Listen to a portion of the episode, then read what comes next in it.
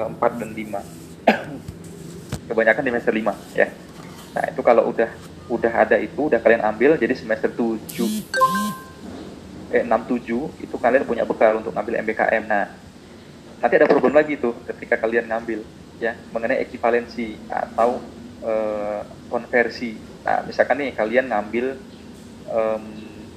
apa ya mata kuliah yang ditawarkan di Kutama Karya misalkan. Mereka biasanya butuh analisis data di situ. Nah tapi analisis datanya tuh lebih ke analisis data sipil. Nah itu kalian eh, nanti harus cek ya. Cek dulu. Biasanya kalau kalau instansi itu menawarkan mata kuliah MPKM biasanya mereka akan menawarkan juga di sana bahwa mata kuliah ini ekivalensi dengan mata kuliah apa ya. Atau e, materi ini ya ekivalensi dengan e, apa e, mata kuliah di prodi kalian itu apa. Kadang instansi itu dia punya list ya listnya itu punya jadwal gitu. Di minggu pertama nanti kalian di lapangan belajar ini. Nah ini ekivalensinya dengan mata kuliah ABC gitu. Itu dicek ada enggak di apa di ini kita di apa di kurikulum kita. Kalau nggak ada berarti kalau banyak yang nggak ada kan rugi di kalian ya kalian sudah magang lama-lama tapi ternyata nggak bisa dikonversi apa ke mata kuliah prodi. Nah itu tolong dicek juga yang seperti itu. Ya kebanyakan seperti itu problemnya. Oke, jadi ada beberapa poin tadi ya di MBKM itu yang yang penting. Ya. yang sebenarnya itu ya peritilan-peritilan kecil sebenarnya. Ya tapi kalau kalian nggak cermat itu rugi di kalian. Udah kuliah udah kuliah susah tapi ternyata tidak bisa dikonversi itu. Jangan sampai yang seperti itu ya. Jadi nanti kalau misalkan pengen ngambil dikomunikasikan dulu ke saya. Jadi sebelum dikomunikasikan harus kalian baca dulu. Jangan mentah-mentah dikasih saya. Pak ada MBKM pak di apa e, di Pertamina misalkan. Tolong dong pak ini saya gimana nih cara saya ngambilnya? Ya jangan seperti itu ya. Kalian baca dulu karena ya saya nggak mungkin baca semua ketentuan MBKM semua yang ada di Indonesia kan semua buka Pertamina buka oh, Utama Karya buka Widya Karya biasanya buka. Kemudian uh, instansi BUMN biasanya buka semua ya dari mulai bank kemudian uh, apa kampus-kampus luar tuh biasanya buka. Eh, nggak mungkin saya baca satu-satu. Kalau kalian berikan saya file mentahnya pun saya nggak mungkin baca. Kadang satu filenya itu bisa sampai 40 halaman. Nah itu mungkin sulit saya mempelajari.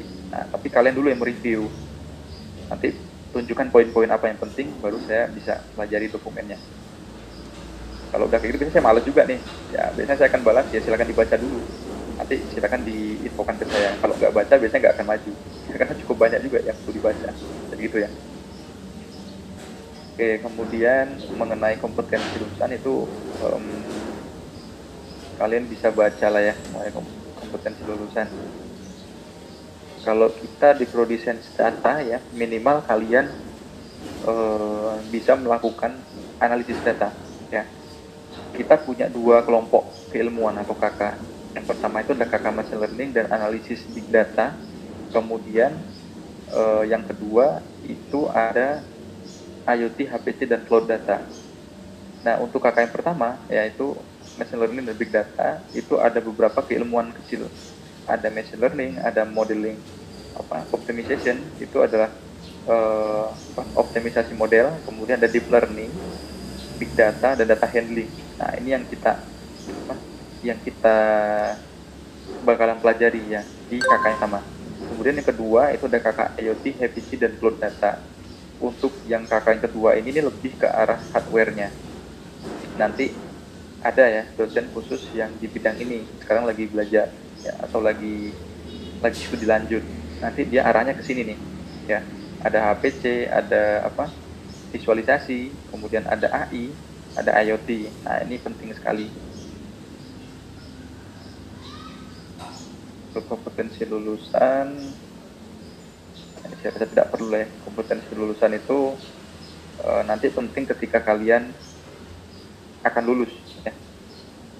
kadang udah ditentukan nih kompetensi lulusannya adalah A tapi ternyata kerjanya di B ya itu udah sering juga kayak gitu jadi saya rasa kompetensi lulusan nanti dibahas ketika kalian sudah masuk di semester berapa ya semester lima ya sebelum kalian ditentukan dosen pembimbing. Nanti akan lebih gampang nih kita apa konsultasinya di sini. Kalau sekarang disebutkan A, B, C dan D, ini saya nggak tahu nih bakat kalian di mana. Kalau udah keluar nilainya di semester 5, nah peminatan kalian bisa di apa bisa diarahkan di situ. Nanti akan muncul bahwa oh karena kalian kompetensinya itu besar di poin yang mata kuliahnya masuk di KK yang satu atau dua, maka direkomendasikan ya untuk bekerja di uh, bidang-bidang yang sudah sesuai dengan area tadi kayak gitu.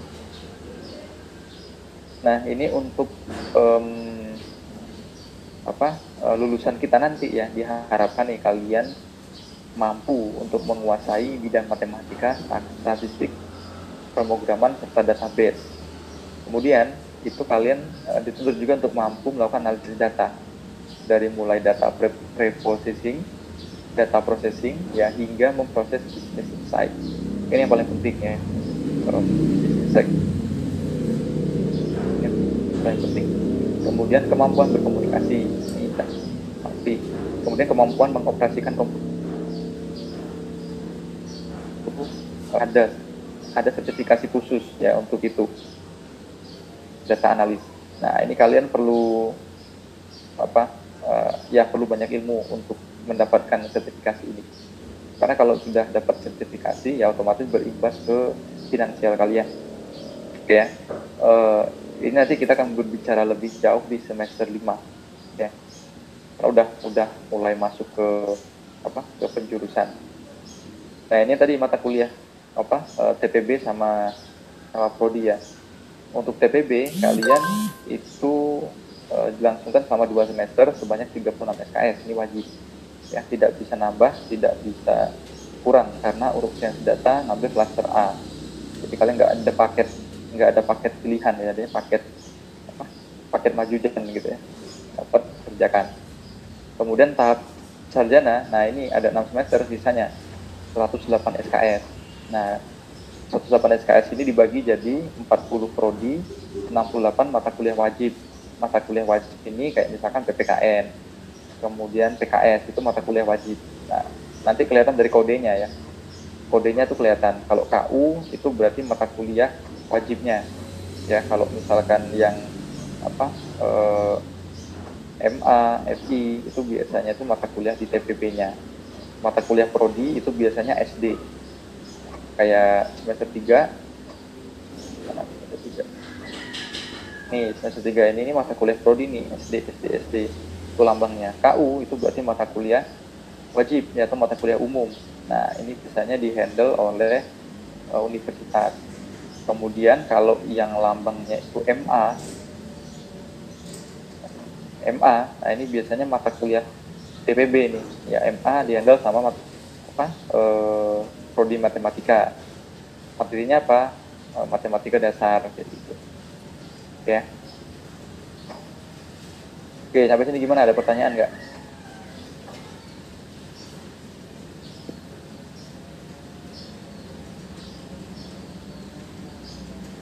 Pak, izin bertanya. Tadi yang jumlah SKS-nya itu yang dalam kurung 3 min 1 itu maksudnya di mana? Oke, ya jadi oh ya ini perkenalan SKS ya. Jadi di kampus kalau di kuliah itu beda dengan di sekolah waktu zaman SMA ya. Kalau di SMA itu kan e, kalian misalkan dapat hari Senin 3 jam ya. Hari Senin 3 jam ya berarti 3 jam itu kalian materi. Kemudian ada lagi mata kuliah praktikum khusus gitu ya. Biasanya praktikum tuh ada jadwal khusus nggak kalau di SMA kalian? Atau gabung di mata kuliah apa? Mata kuliahnya yang materi tadi.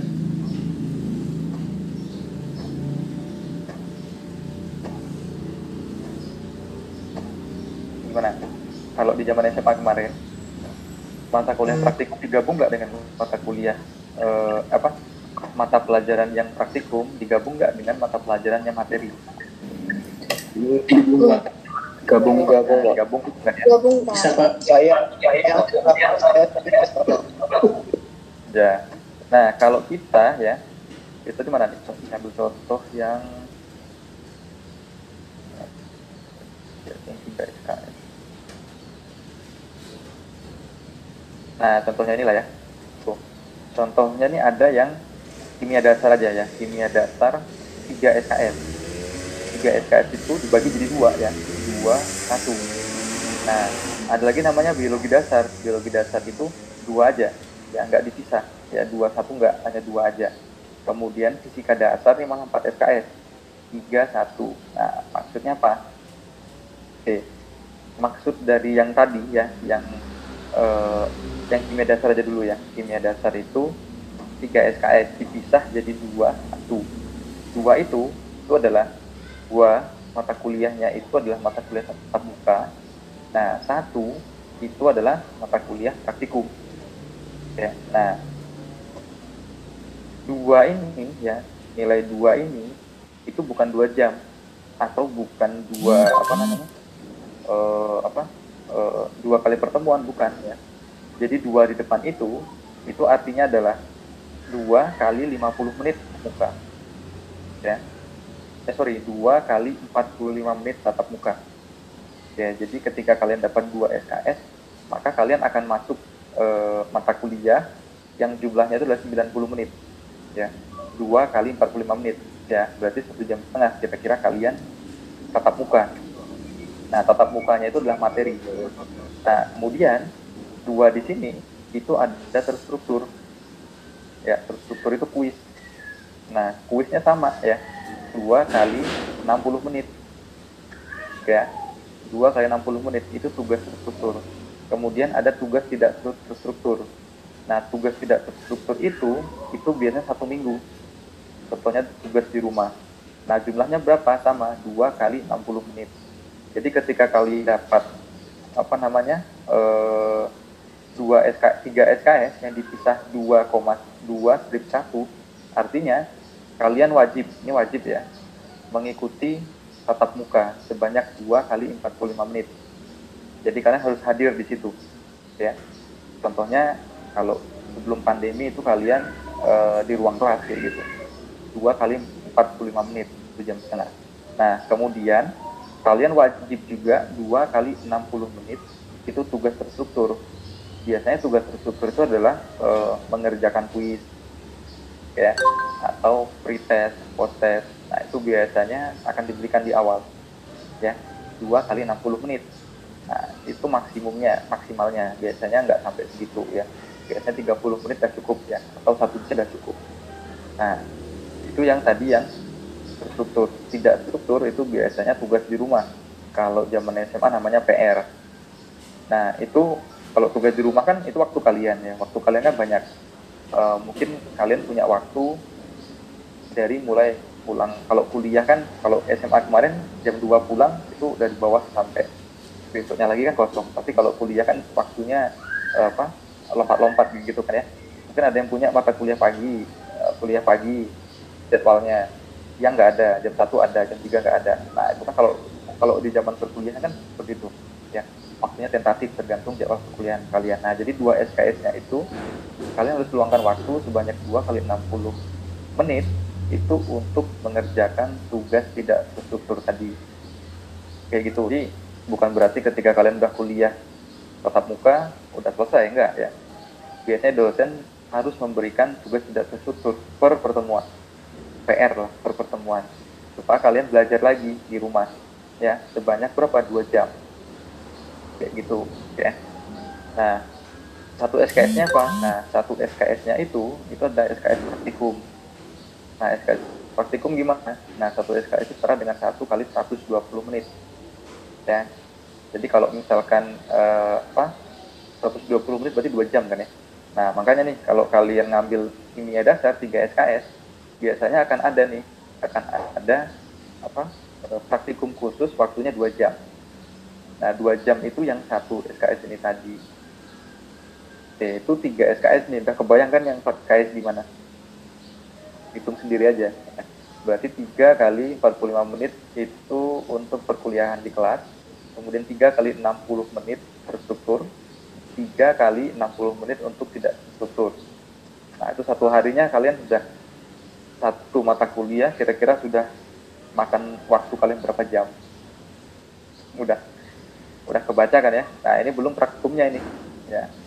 Kira-kira seperti itu. Makanya kalau kuliah ngambil SKS itu jangan banyak-banyak makanya ini disesuaikan dengan uh, kebiasaan kalian juga ya ada yang bilang ah 20 SKS, SKS gampang pak oh, tinggal kuliah ya iya sebenarnya seperti itu cuma sebenarnya itu kalian hitung aja 24 SKS 24 kali 45 menit dalam satu minggu ya itu 24 kali itu udah berapa jam yang udah kalian habiskan untuk belajar? Itu tatap muka belum yang tidak struktur dan strukturnya. Belum kalau misalnya ada mata kuliah praktikumnya. Mungkin dari 24 ada sekitaran mungkin lima lah yang yang praktikum. Itu udah 10 jam kalian habiskan dalam waktu seminggu untuk praktikum. Nah belum tugas praktikumnya. Ya. Harusnya praktikum itu selesai hari itu selesai hari itu ya jadi dua jam itu udah kalau misalkan satu SKS berarti kan dua jam ya? Dua jam itu harusnya kalian wajib selesaikan laporan praktikumnya di hari itu juga. Jadi dua jam itu. Artinya seperti itu. Nah cuma faktanya kan enggak mungkin ada masalah teknis ya atau mungkin memang sudah kebiasaan di apa di mata kuliah prodi itu atau di mata kuliah tersebut untuk buat apa perannya di rumah. Nah kalau udah buat di rumah udah beda lagi urusannya. Ya nanti nanti nanti nanti yang harusnya dua jam selesai kalian sendiri yang memanjangkan ya bisa sampai tiga hari nggak selesai Nah, kayak gitu ya. Oke, jadi itu kira-kira tadi ya untuk penjelasan yang SKS tadi. Ada lagi yang lain? Pertanyaan?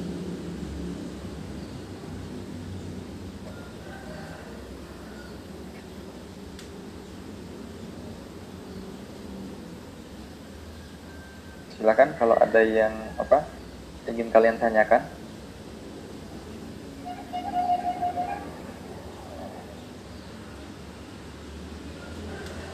Siap tidak ada Pak. Oke, Husni Mubarak. Ada yang menanyakan nggak? Terus tanya Pak, e, untuk kan pembelajaran ada dua jenis ini Pak, ada yang hybrid juga ada yang online. Kebetulan sekarang saya ambil yang online. E, kan tanyanya e, perbedaan dari pembelajaran karena kita kan kalau yang hybrid di kelas secara langsung gitu Pak. Kalau online kan eh, lewat Zoom ataupun ya ya teknisnya bagaimana? Oke oke ya. Nah uh, sebelumnya itu ya itu sebenarnya nggak ada ya mata kuliah. Apa? Daring-daring kayak gini nggak ada. Uh, sebelum masa pandemi ini ya sesuatu yang tabu lah atau jarang kita dengar ya masalah kita mengenai daring kemudian online kemudian apa lagi ya? Uh, course online gitu itu sebenarnya jarang ya. Hanya di masa pandemi ini ya solusi untuk tetap bisa kuliah ya harus harus online. Nah makanya muncullah istilah daring. Daring itu dalam jaringan. ya dalam jaringan ada lagi luring. Luring itu luar jaringan.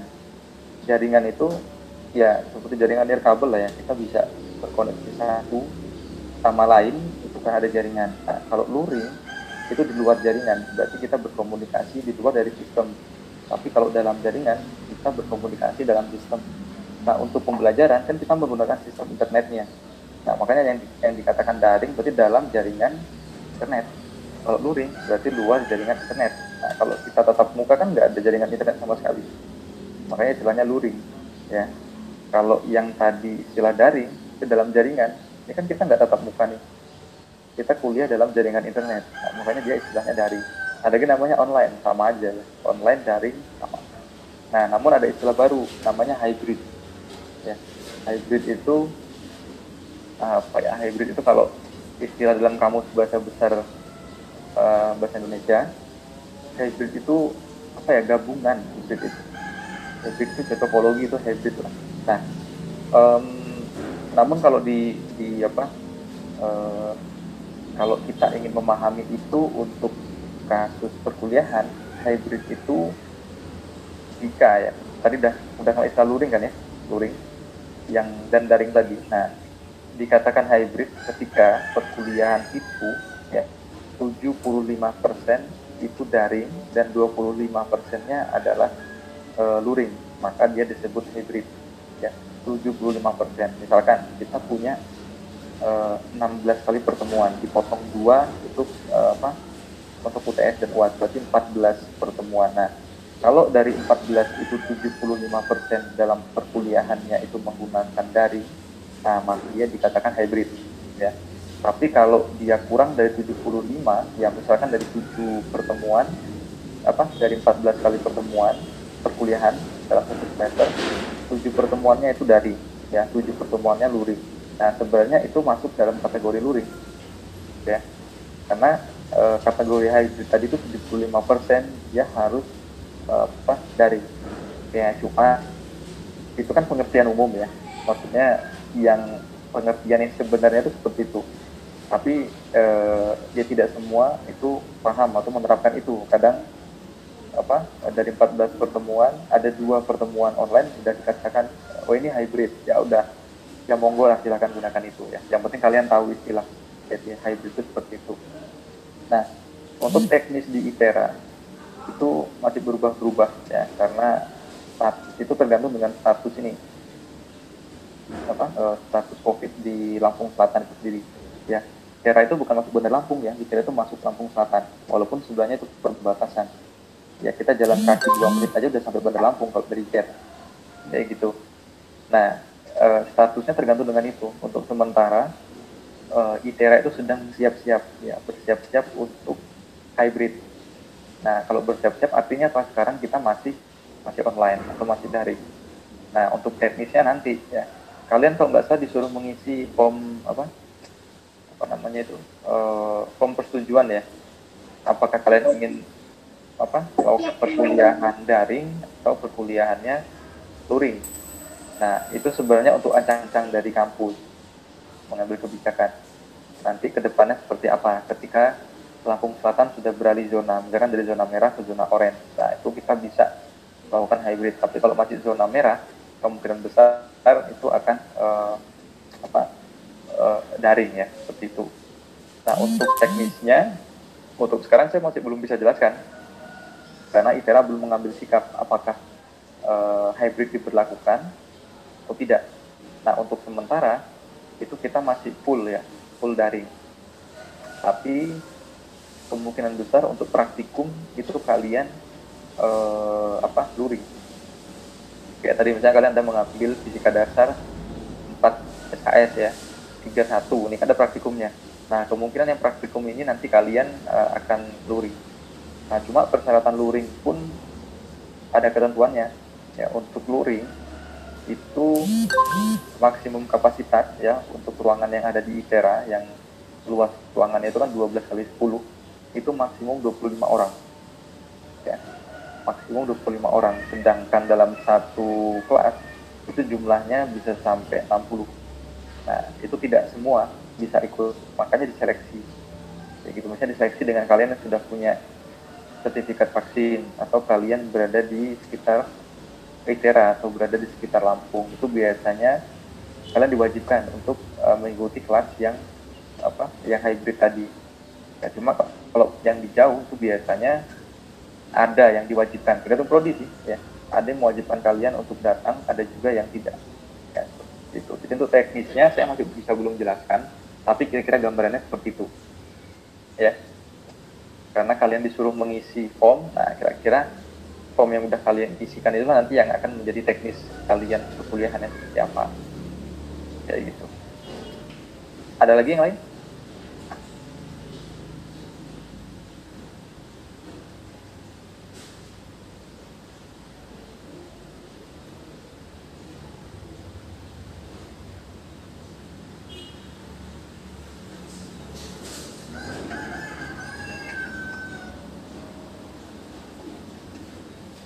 gimana? Ada pertanyaan lagi? Uh, Pak, saya mau izin bertanya. Ya, silakan. Uh, pemilihan ketua angkatan itu gimana ya, Pak? Terima kasih. Oh, kalau pemilihan ketua angkatan itu saya serahkan ke apa namanya? Ke kalian lah teknisnya seperti apa, ya. Um, kalian bisa voting ya, atau kalian apa ya terserah kalian gimana teknisnya ya. Yang penting uh, kriteria dari ketua angkatan itu yang pertama yang pasti tidak suka marah-marah ya. Terus yang kedua itu uh, loyal di waktu.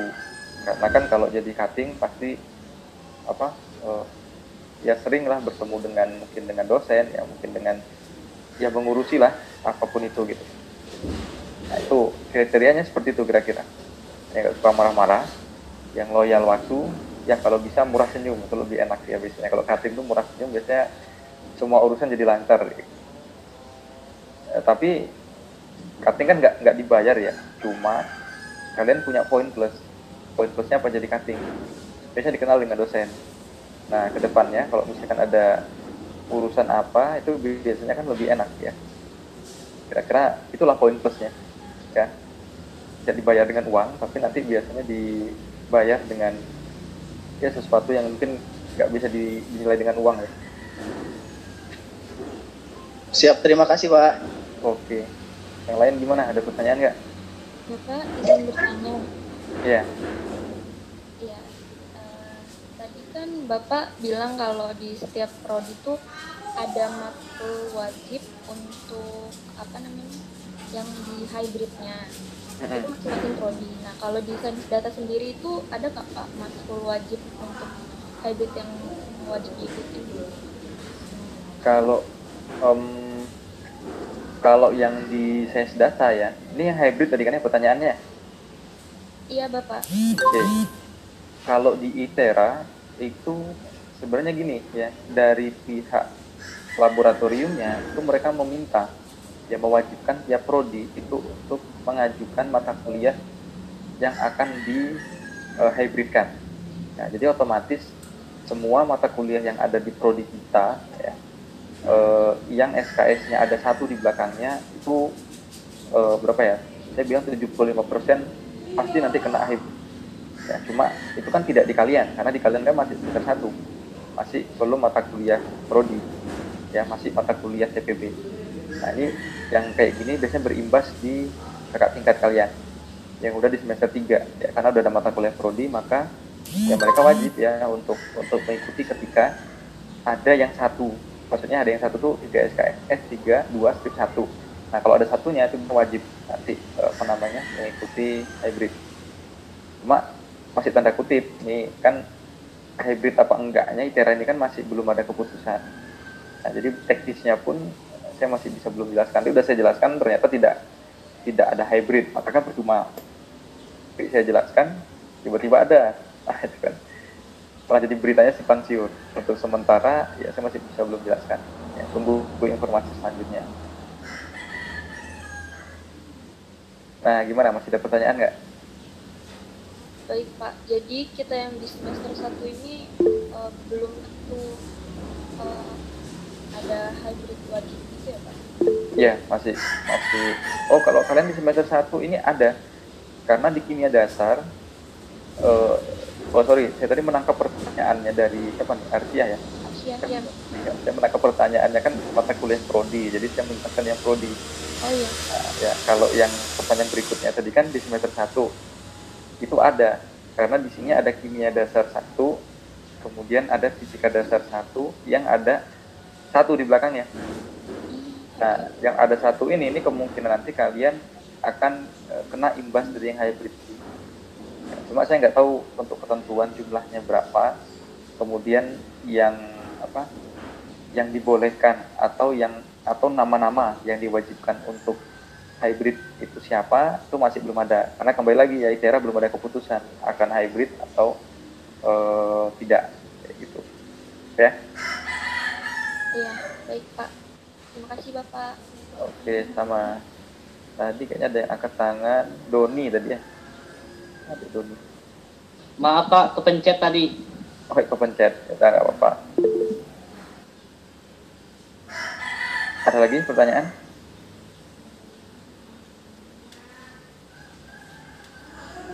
Tidak, Pak. tidak ada ya? Ini Google Meet ini baru ya tampilannya Eh, saya saya jadi gak iya ya silakan tanyakan eh, makasih sebelumnya Pak udah diberikan kesempatan untuk bertanya. oke Eh, tadi saya mendengar eh, Bapak sepertinya menjelaskan tentang eh, SKS yang memiliki keten- beberapa ketentuan lanjutan ya Pak, seperti Iya. eh, di mana ada tugas terstruktur dan tugas tidak terstruktur. Berarti hmm. uh, ada ketentuan tertentu, Pak. Uh, semisalnya begini, Pak, uh, terjadi kelalaian, kelalaian dari diri saya pribadi, misalnya uh, salah satu dari tugas itu tidak terpenuhi. Apakah SKS saya terhitung di di apa? Uh, tidak dihitung ataukah masih dihitung dengan catatan diperbaiki? Oke, okay. lagi? Itu aja. Oke ya, jadi gini, hmm, sebenarnya kompleks ya untuk jelaskan tadi karena poin-poin yang seperti tugas tidak terstruktur itu tidak bisa dinilai ya tugas terstruktur itu saya tidak bisa nilai karena berada di rumah tapi hasilnya yang biasanya saya nilai. Nah kayak gitu. Nah untuk item-item yang tadi ini yang yang apa? Yang 3 SKS ya apa sorry. Yang 4 SKS 31 sama yang 3 SKS 21 ini untuk dosen biasanya dipecah ya. Biasanya untuk tatap muka yang tatap muka ada di depan itu biasanya eh, penilaiannya itu dengan dia mungkin tiap dosen mengajukan pertanyaan ya. Ketika kelas berlangsung kemudian akan ada yang menjawab. Nah itu biasanya akan dimasukkan ke apa salah satu ya item penilaian untuk yang tatap muka. Nah kemudian ada juga UTS 1 itu biasanya menjadi item ya untuk penilaian yang kalau 4 SKS-nya tiga di depan ini. Itu untuk penilaian. Kemudian untuk praktikum itu biasanya kan ada penilaian khusus praktikum. Biasanya dinilai sama asisten. Nah itu satu dinilai di situ. Nah tinggal tugas terstruktur dan tidak terstruktur. Untuk tugas terstruktur nah itu biasanya kuis. Ya biasanya ada kuis. Tiap kali awal masuk biasanya ada kuis. Nah itu item penilaian untuk tugas yang terstruktur. Nah untuk tugas tidak terstruktur itu biasanya uh, mungkin ya kalau saya biasanya tiap kelas itu tolong resume ya perkuliahan saya tadi itu apa aja ya tolong buat uh, mind mapnya. Nah itu biasanya tugas tidak terstruktur dari saya. Nah itu kan dikumpulkan, nah itu jadi nilai saya. Nah dari semua itu kan dipecah, ya. dipecah misalkan nih untuk mata kuliah apa kimia dasar yang tiga SKS tadi ya dibagi dua dan satu Nah itu kan ada persentase, misalkan UASnya berapa persen, UTS-nya berapa persen ya, kemudian untuk kuis berapa persen, nanti praktikumnya berapa persen, kehadiran berapa persen. Nah itu diakumulasi di situ, maka nanti muncul ya apa um, indeks ya A, K, B, C ya atau AB ya. Nah itu nanti di sana apa namanya um, akumulasinya. Misalkan nih kalian 3 SKS nih 21 setelah diakumulasi ya dari tiga SKS ini kan dua satu kalian kerjakan nih praktikum yang kerjakan tentu dikerjakan ada nilainya muncullah e, nilai apa e, kuantitatifnya misalkan 70 ternyata, ternyata 70 di kimia dasar itu masuk ke dalam kategori AB nah maka 3 dikali dengan AB AB itu berapa? 3,5 ya. Nah jadi muncullah IP kalian berapa. Nah untuk sistem penilaian itu kayak gitu. Itu secara umum ya. Kalau secara khusus itu nanti tergantung dengan uh, dosen untuk mata kuliah mata kuliah ini. Karena tiap tiap mata kuliah itu punya kontrak yang berbeda-beda. Ada yang uasnya tinggi ada yang UTS-nya tinggi ya. Ada yang tugas besarnya tinggi ya, itu tergantung dengan ininya mata kuliahnya. Ya ada lagi pertanyaan yang lain?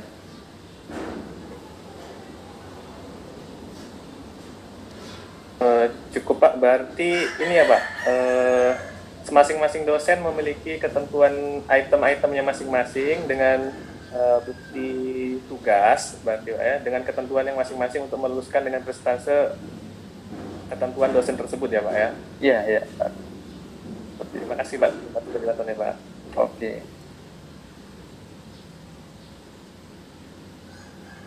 Oh iya, satu lagi ya. Um, di ITERA ini berbeda dengan yang lain ya, tapi ini perbedaan istilah aja. Tapi kalau kalau setelah saya pelajari itu sama. Jadi ada namanya nanti IPK, ya IPK, IP ya dengan NR. Nah di ITERA ada satu lagi namanya NR. Kalau IPK itu akumulasi. IPK bisa dihitung ketika kalian masuk di semester 2 ya semester 2 itu IPK karena tiap semester akan dinilai akan di IP-nya. Misalkan nih, kalian semester satu nih, semester satu ngambil mata kuliah eh, apa matematika dasar, fisika dasar sampai olahraga ya. Nah, setelah akhir semester 1 maka akan muncul nilai ya. Nilai kalian misalkan eh, ya entah itu A, B, C, pokoknya muncullah nilainya. Nah, setelah diakumulasi ternyata eh, apa? muncullah IP ya. IP misalkan 3,0. Nah, untuk semester 1 itu namanya IP, semester 1 aja IP. Kemudian semester 2 nih kalian ngambil lagi ya. Sama nanti ada nilainya, muncullah nilai eh, apa? eh, kumulatif kalian. Ya, misalkan tadi kalau semester 1 kan IP kalian 3, semester 2 IP kalian 3. Nah, yang dikatakan IPK itu apa? IPK itu adalah IP semester 1 ditambah IP semester 2 dibagi 2. Ya. Itu namanya adalah IPK. Nah, ada lagi namanya NR. Nah, NR ini misalkan nih kalian ambil mata kuliah TPB nih, ya. Mata kuliah TPB semester 1, ya, misalkan matematika dasar 4 SKS. Nah, em, nilainya nih eh, belum muncul ya. Nilainya belum muncul. Misalkan baru tiga mata kuliah yang muncul. Nah, tiga mata kuliah itu nanti muncul IP-nya. Tapi sebenarnya itu bukan eh, belum belum IP yang sebenarnya. Nah, maka itu disebut NR. Ya. NR atau nih udah muncul semua, ya, udah muncul semua, tapi ada satu mata kuliah yang D. Ya, ada mata kuliah yang D. Nah, mata kuliah yang D ini kan wajib diulang. Ya, otomatis kalian ambil nih mata kuliah lagi semester berikutnya yang D tadi. Nah, kemudian dapat nilainya C misalkan atau A lah, dapat A. Nah, berarti kan lulus. Nah, tapi di ITERA ya nilai yang sebelumnya itu nggak dihapus. Ya, oh, sorry ada dua ya. Di di transkrip ada dua. Nilai yang sudah kalian ambil itu tetap ada, yang udah diperbaiki ada. Nah, yang nilai baru itu muncul pun ada. Jadi nilai yang udah kalian ambil yang baru ada, nilai yang sebelumnya kalian ambil yang tidak lulus pun ada. Nah, nilai yang tidak yang apa ya, yang tidak lulus ada itu NR namanya. Ya. Jadi indeks rata-ratanya, nilai rata-rata. Nah, yang tadi lulus yang apa? Yang tadi dari D ke A itu ada sendiri ya. Dengan yang dengan nilai yang tadi yang diperbaharui tadi pun nggak muncul di situ, itu namanya IPK. Jadi istilahnya aja istilahnya aja yang berbeda. Di kampus lain ada cuma istilahnya saya nggak tahu apakah itu NR apakah itu apa IP ya. Kalau di kami dulu ketika kami kuliah itu namanya IP tetap IPK juga kayak gitu. Ya jadi ada nanti istilahnya NR mungkin kalau kalian bingung ya wajar sih kalian belum belum menerima nilainya tapi nanti ketika kalian sudah menerima nilainya nah itu bisa apa bisa lebih memahami ini untuk pengantar aja ya, nanti ada NR ada IPK ada IP. Nah, jadi kalau IP itu nilai per semester. Kalau IPK itu kumulatif tiap semester. Kalau NR, nah itu nilai semua dirata-ratakan. Entah itu yang kalian tidak lulus, kemudian ngulang, nah itu tetap dihitung yang tidak lulus tadi, itu NR. Iya, kayak gitu. Ada lagi yang lain?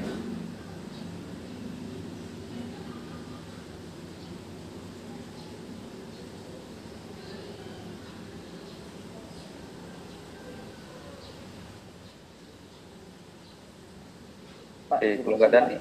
Ya, silakan. eh, eh, saya itu masih bingung kalau misalkan kayak dari SKS kita per semester ada yang bermasalah masih EI gitu misalkan satu matkulnya kan itu mau nggak mau ngikut semester pendek ya pak itu nanti kita janjian atau gimana sama dosennya atau gimana pak? Ya, jadi kalau Pak. teknisnya ya, misalkan nih kalian punya nilai E. Nah, untuk nilai E di TPB itu kalian diberi opsi untuk eh, apa, mengambil mata kuliah mengulang atau kalian bisa SP sebenarnya ya. Nah, kalau kalian tadi mengambil mata kuliah tidak lulus kemudian kalian tidak ngambil SP, berarti kalian mengorbankan SKS yang di semester depan untuk eh, apa namanya? untuk mengulang mata kuliah di semester berikutnya. Misalkan nih di semester 1 kalian tidak lulus matematika dasar. Ya. Jumlahnya berapa? 4 SKS. Nah, ini nggak lulus. Kalian tidak ikut SP. Ya. Sehingga kalian harus ngulang itu di semester berapa nih? Semester 3 kalian ngulangnya. Nah, kita cek di semester 3.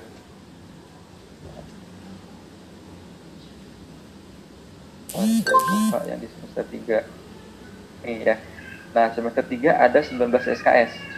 Ya kan? 19 SKS. Nah, otomatis nih kalau kalian nggak lulus di semester di semester 1 biasanya IPK-nya di bawah 2,75. Ya. Biasanya seperti itu ya. Kalau kalian nggak lulus di semester ada salah satu mata kuliah yang nggak lulus eh, sampai ngulang itu biasanya IPK-nya di bawah eh, berapa? Eh, 2,75. Nah, kalau di bawah 2,75 kalian nggak bisa ngambil mata kuliah tambahan. Sehingga SKS kalian tetap 19. Nah, kalian kan ngulang tuh ya tadi yang di semester berikutnya 4 SKS. Berarti kalian harus mengorbankan 4 SKS.